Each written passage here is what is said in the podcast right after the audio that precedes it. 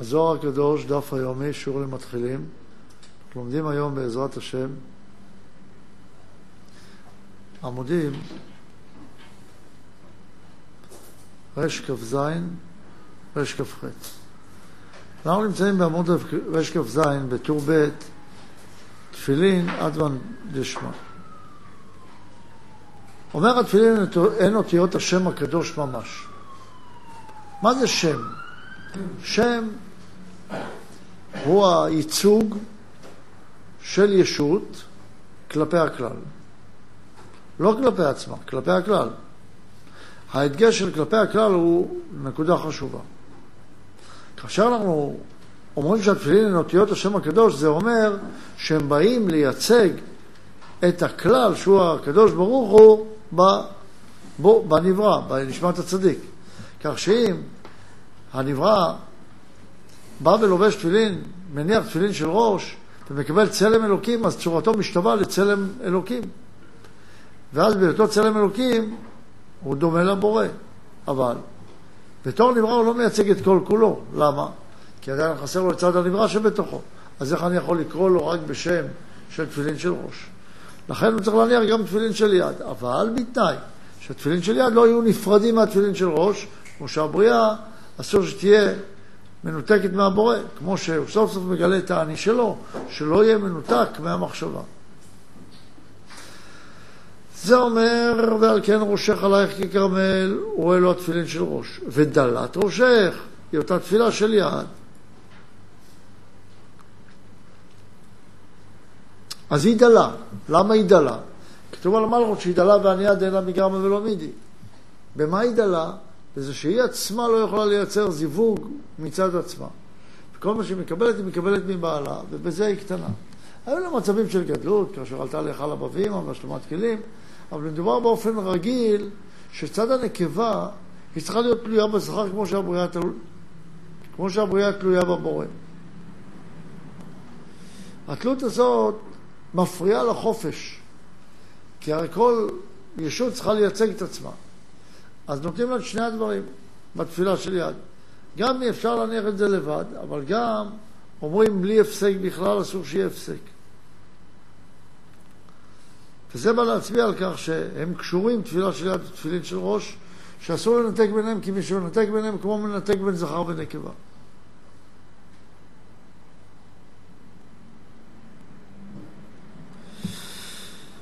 אז אומר, וגם יש לשלמות כן של מעלה.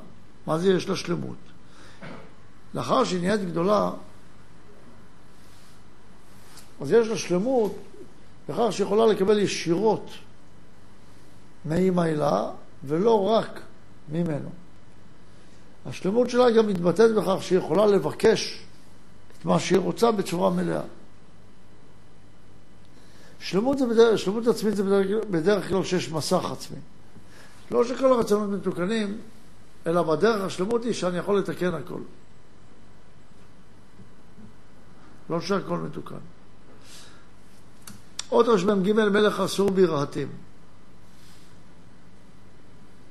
היינו, שהוא קשור ואחוז בבתים של התפילין, כי המלך הרי צריך לתת את ההערה, הוא צריך להשפיע. ואם המלך רוצה להשפיע, אז צריך את הכלים שהם הפרשיות, סליחה, שהם הבתים, כדי שהוא יוכל לתת את האור לאותם בתים. ועל כן,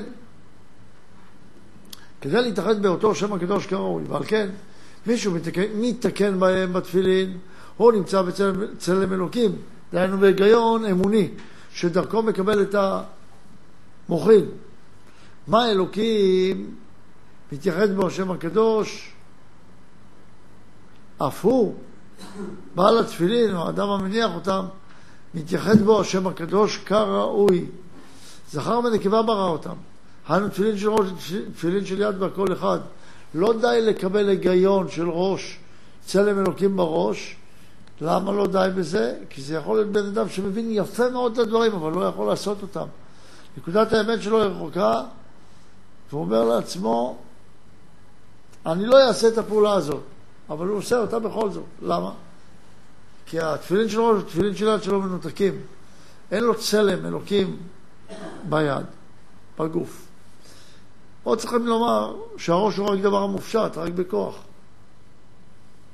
והגוף הוא מעשי, אבל הוא צריך להוציא מהכוח אל הפועל את מה שהיה בכוח. יוצא בגלל שזכר ונקבה ברא אותם, אפשר להדגיש את זה דווקא בתפילה של יד. עוד לא אמרנו, צריך לומר, שהיות והקשר בין הפרשה לבתים הוא קשר של זיווג, ובראש יש דלת זיווגים כנגד חוכמה, בינה ודעת, שדעת מתחלקת לחסדים וגבורות. לכן יש ארבעה בתים שהם ארבעה כלים, וארבע אורות, ארבע פרשיות, שנמצאות בתוך אותם כלים.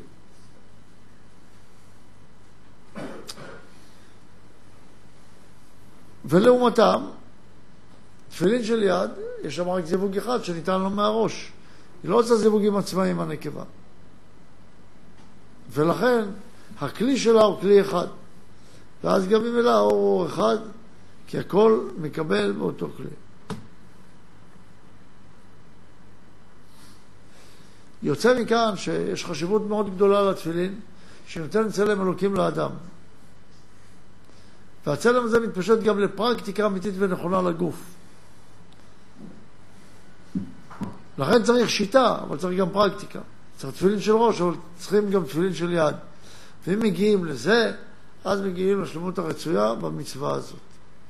ובזאת אנחנו סיימנו את המצווה העשירית.